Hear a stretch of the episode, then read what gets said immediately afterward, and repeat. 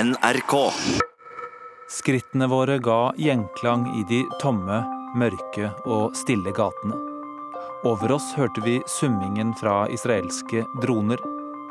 Et sted på den andre siden av grensen satt israelske soldater og fulgte oss via kamera.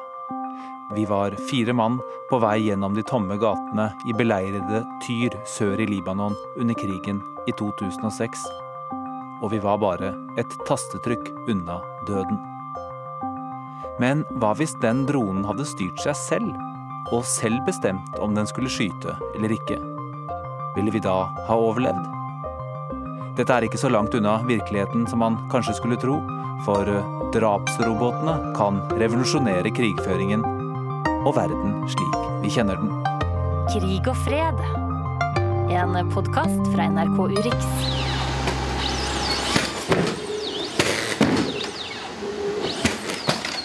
Jeg var kanskje ikke den eneste som satt kaffen i halsen da jeg så denne videoen før jul. En video av en robot som tok en backflip. Det var en video fra selskapet Boston Dynamics i USA, og roboten den har fått et navn. Den heter Atlas. Boston Dynamics er de som har ligget i front, det er de som publiserer materialet som de lager, i hvert fall den ikke-hemmelige delen av det og de viser hva som er eh, mulig. Det de ikke viser, er jo eh, hvor kort tid denne kan være i operasjon før den må bytte batteri eller uh, kraftkilde, hvor mye den egentlig bråker.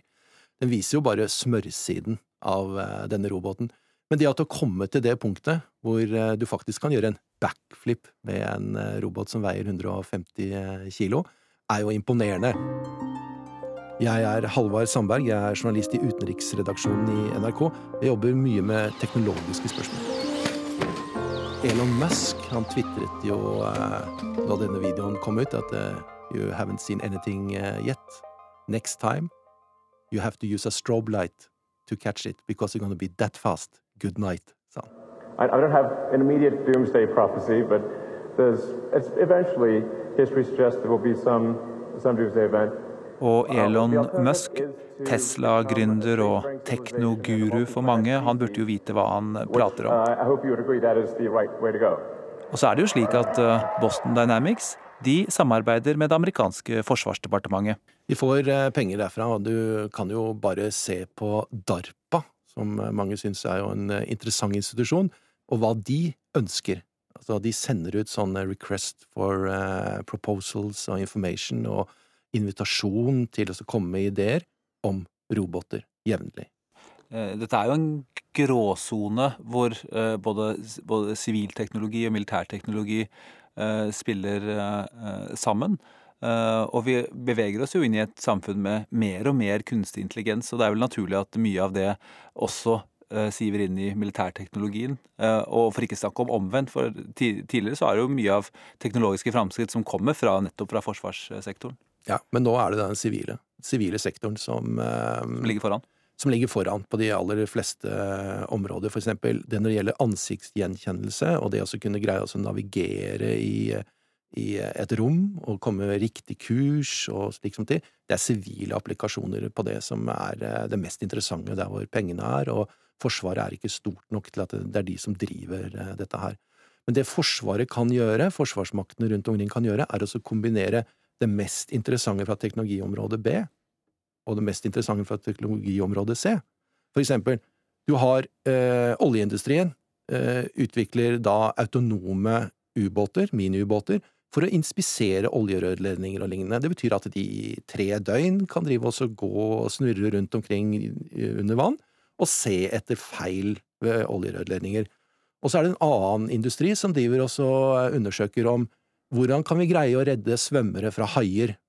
Ja, det betyr det at vi har sensorer i vannet som forteller oss at når det er hai i området, og ikke bare folk som driver og bader, da må vi se forskjell på en svømmende menneske og en hai. To store kropper som beveger seg gjennom vannet.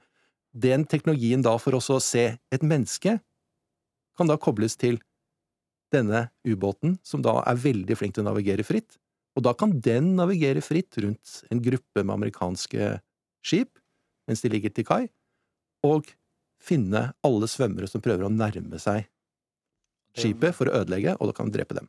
Altså dykkere eh, som Dykkere som eh, prøver også å nå frem til eh, et amerikansk krigsskip et eller annet sted.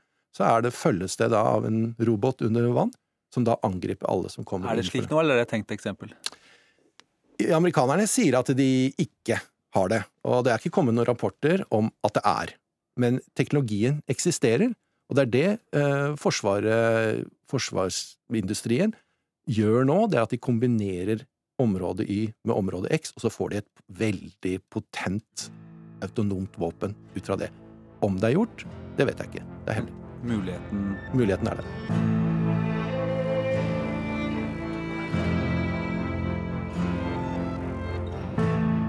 Veldig mange, særlig innenfor eh, filosofisk debatten, men også innen i FN f.eks., tenker at det er noe dypt og prinsipielt problematisk med å overlate beslutninger om liv og død til maskiner. FNs spesialrapportør sier f.eks. at selv om disse våpensystemene vil lede til færre sivile tap, så er det likevel noe moralsk galt. Jeg tror at argumentene for det, selv om de intuitivt virker plausible, ikke, ikke er så kjempe, kjempesterke. Men jeg tror det er enormt god grunn til å være bekymret over, over utviklingen likevel. Og det er på grunn av, av mer elementære ting som at denne teknologien kan misbrukes.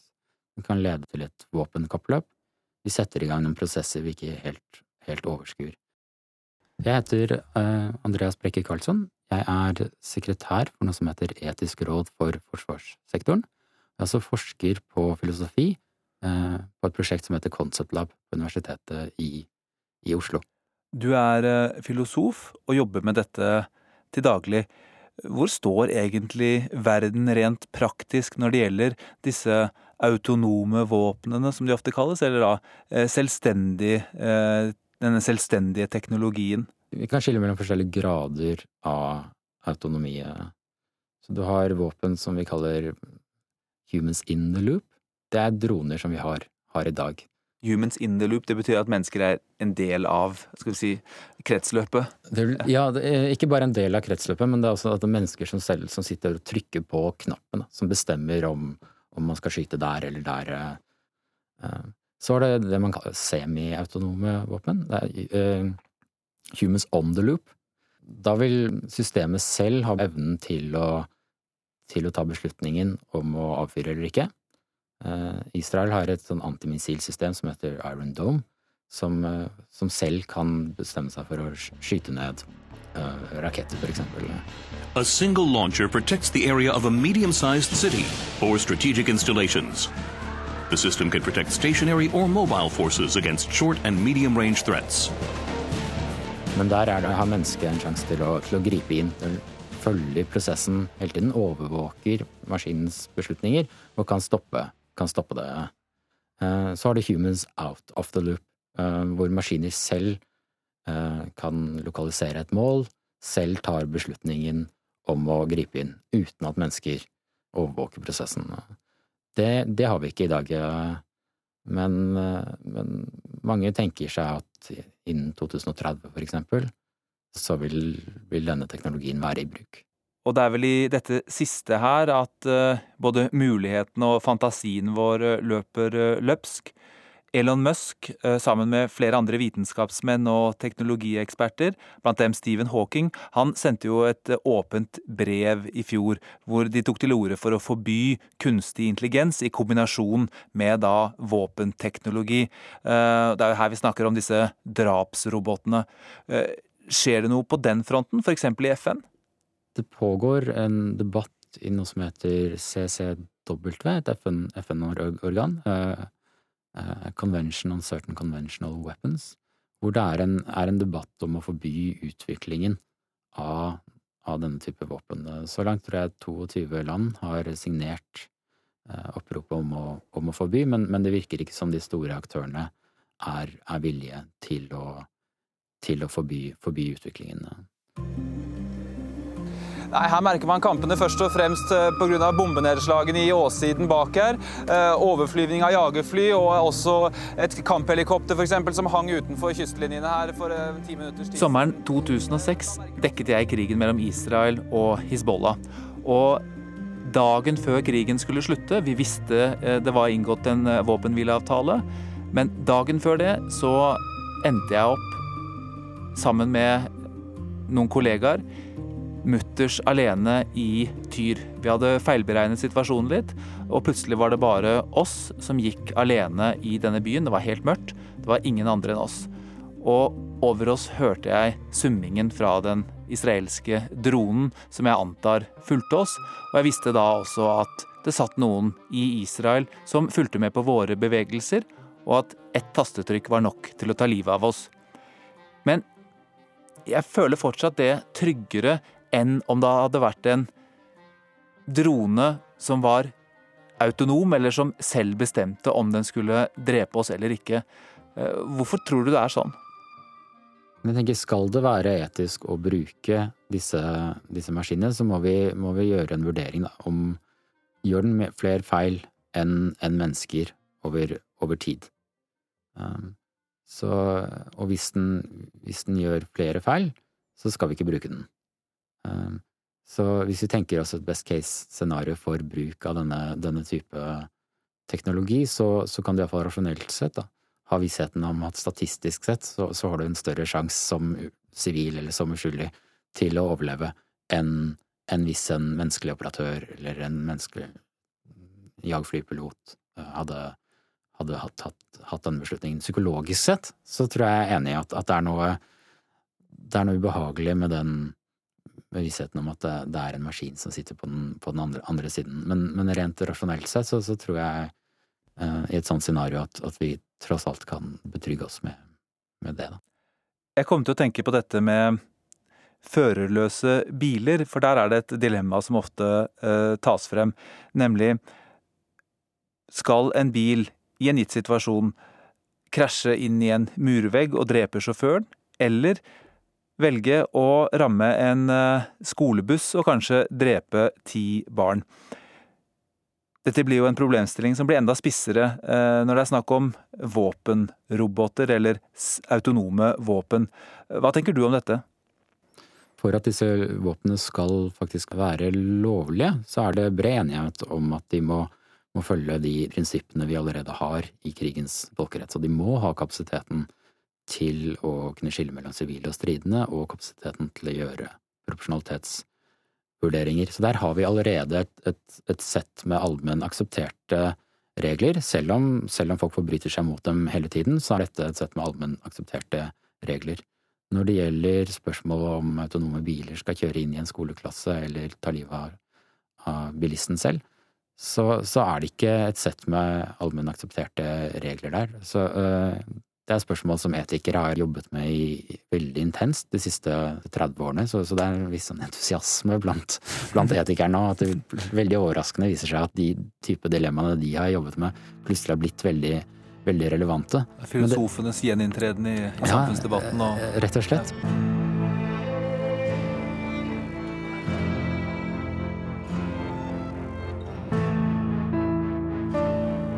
I bunnen her ligger det vel kanskje den dypeste frykten vi mennesker har, nemlig det å miste kontrollen over planeten vår, og da til noe vi selv har eh, skapt. Det er skrevet utallige bøker og laget eh, sikkert like mange filmer om dette. Eh, hva tenker du om den problemstillingen? Jeg tror du har helt rett i at et sånt scenario pirker i noen, noen nervetråder som gjør det veldig ubehagelig. Jeg er ikke noen uh, datamann, så jeg, jeg, kan ikke si noe om sannsynligheten for at kunstig intelligens i den, den forstand at det er, det er, maskiner som har uh, bevissthet, for eksempel, som har egne mål, hvor snart og hvor, hvor uh, sannsynlig det er at den utviklingen kommer. Det jeg vet, er at veldig mange mennesker som er veldig mye smartere enn meg, som Elon Musk for eksempel, tar en sånn utvikling på det dypeste alvoret og er, er veldig bekymret for det. Man kan likevel rydde opp lite grann. Man kan, man kan skille mellom et sånn Terminator-aktig scenario hvor maskinene får en, en, egen bevissthet. De blir bevisste individer som har egne ønsker og egne mål, og, å bruke, og etter hvert utvikler ønske om å underkaste seg menneskeheten og dominere verden. Ehm, sånn jeg har forstått det, så, så ligger det veldig langt inn i fremtiden. Det man kan tenke seg, er at vi vil utvikle maskiner som har en kunstig intelligens, og har blitt utrolig flinke til å oppnå de målene som mennesket har programmert dem til å oppnå.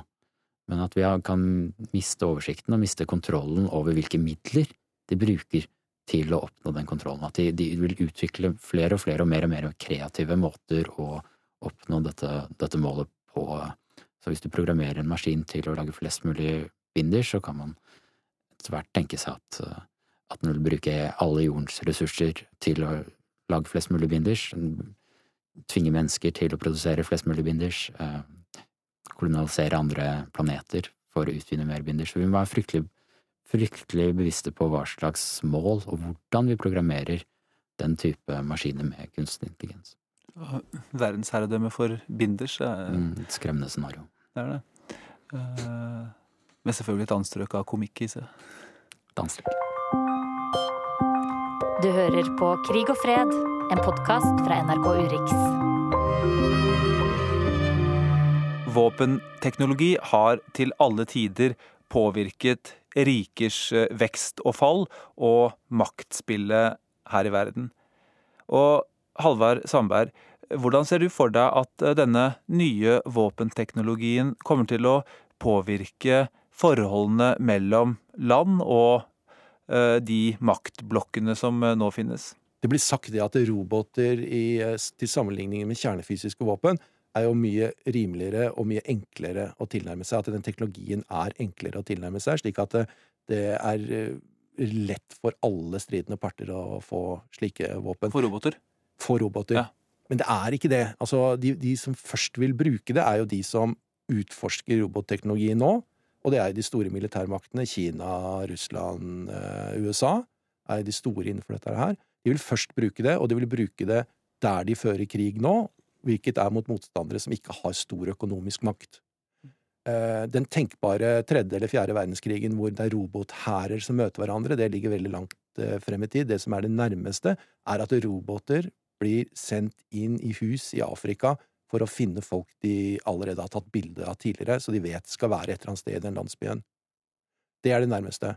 Og det er også eh, litt av tankegangen med dette her, er eh, at amerikanske liv vil bli spart ved at vi sender en robot ut på gaten i den og den byen et eller annet sted, og som da kanskje blir beskutt og blir ødelagt, men da er det ikke et menneske som blir drept. Men den roboten skal jo da drepe andre mennesker. Vi har jo spekulert en del her, og det gjøres ofte når man snakker om eh, disse tingene. For vi er jo i en situasjon med utrolig mange muligheter, men også veldig mange usikkerheter. Vi er inne i en eh, periode nå som eh, de som kjenner teknologiutvikling, kaller en S-kurve. Vi er inne i den eh, flate begynnelsen nede på S-en, og så skal vi når vi den veldig raskt stigende liksom sånn der nakken på S-en, og så skal dette flate ut med toppen av S-en, S-kurven i teknologiutvikling. Og vi er ikke der hvor det går veldig, veldig raskt oppover.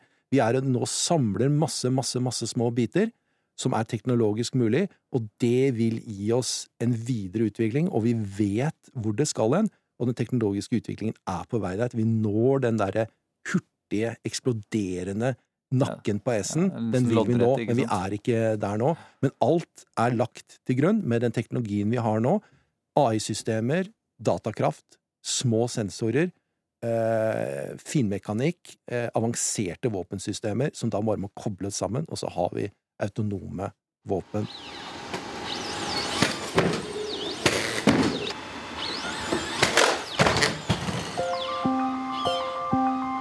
Du har hørt podkasten Krig og fred med Sigurd Falkenberg Mikkelsen.